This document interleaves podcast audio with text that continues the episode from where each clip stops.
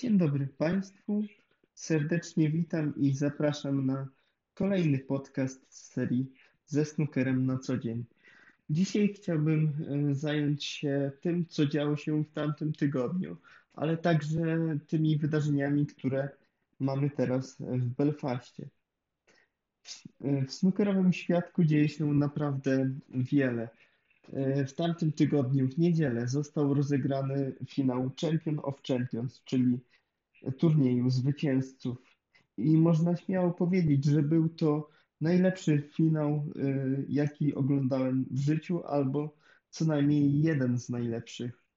E, nie mówię już tylko o tym, że padł rekord setek, ale też o tym, w jakim stylu grali obaj panowie. To był po prostu kunszt współczesnego snookera, e, podany widzom Eurosportu i wszystkim e, obecnym na miejscu jak na dłoni.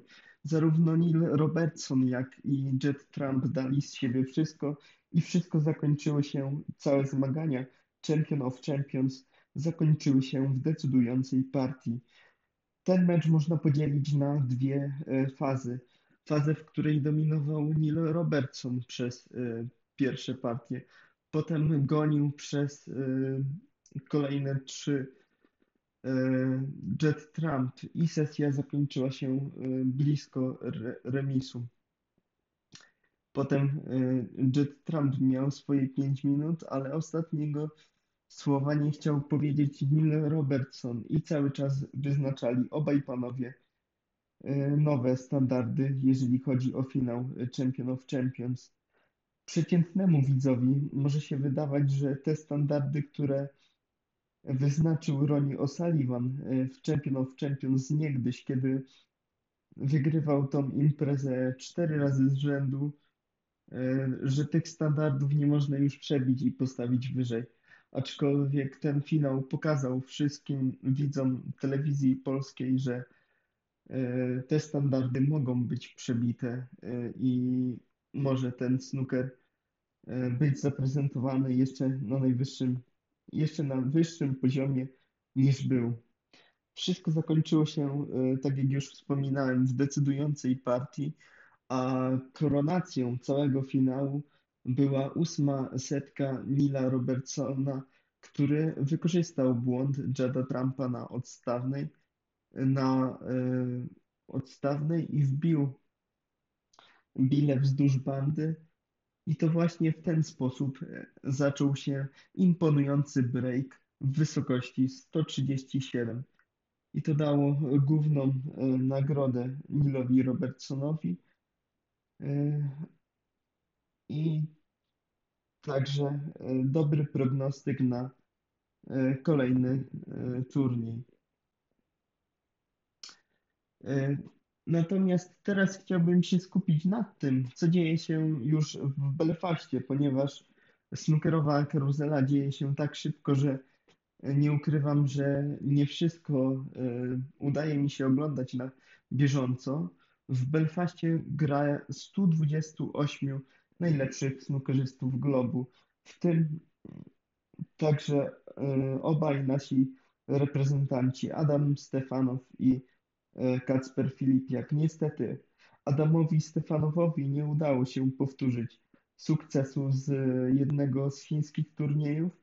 Los zestawił go znowu z Luką Breselem. E, Tymczasem Polak wygrał, przegrał bardzo dotkliwie z Belgiem 4 do 0. E, nie miał za wiele okazji dopiero w czwartej, jak się okazało później, ostatniej partii y, Polak wbił 58 punktów w breaku, potem stracił pozycję i z jakichś względów musiał odejść od stołu, a Belk wykorzystał świetnie swoją szansę i dopiął yy, cały mecz breakiem 70, yy, ponad 70-punktowym. Dużo mniej szczęścia w losowaniu miał Kacper Filipiak, który przynajmniej teoretycznie trafił na trudniejszego przeciwnika. Przeciwnikiem Kacpra, przedstawiciela warszawskiej szkoły snookera, był nie kto inny jak sam czterokrotny mistrz świata, John Higgins. Polak zaprezentował naprawdę świetną grę, szczególnie w partii trzeciej, w której wbił 78-punktowego breaka, miał swój przebłysk. Polak e, wykorzystał błąd na odstawnej Higginsa, który wystawił bilę przez cały stół i szczęścił Higginsowi, e, uzyskując wynik 78 punktów i to dało mu tą jedyną honorową partię. Kolejnym wątkiem, jakim chciałbym się zająć dzisiaj w tym ekspresowym podsumowaniu tego, co się działo w snookerze w ostatnim tygodniu, na przestrzeni ostatnich dni, będą mecze Roniego O'Sullivana i e, Marka Selbiego, który to jako jedyny ma szansę zdobyć e, ten bonus miliona e, funtów. Ale o tym nieco później. Najpierw chciałbym się zająć meczami Roniego Sullivana, który gra ostatnio przedziwnego snookera. Y, Anglik gra tak, jakby się nie przykładał, jakby mu troszkę nie zależało. Ma średnią na uderzenie singlowe poniżej 14 sekund na uderzenie gania wokół stołu jak oszalał, jakby miał 20 lat i y, nie trafia prostych bil, aż tu nagle y, za chwilę w kolejnej partii y, wykorzystuje szansę, wbija 100-punktowego breaka i wygrywa swój mecz. Tak mniej więcej wyglądał mecz z Oliwierem Lańcem, który już od początku był bardzo kontrowersyjny, ponieważ Ronnie O'Sullivan pierwszą partię rozbił od bandy, od bocznej bandy zagrał na doklejenie do skupiska czerwonych już zaraz przy samym rozbiciu. E, potem tłumaczył Ronnie O'Sullivan, że to był sposób wyparcia presji na przeciwniku i zobaczenia, przetestowania jego umiejętności na wbiciach. Jak się później okazało, był to całkiem dobry sposób, ponieważ e, O'Sullivan, pomijając to, że troszkę się męczył z własną grą, wykorzystał słabości rywala i rzutem na taśmę wygrał 4 do 2.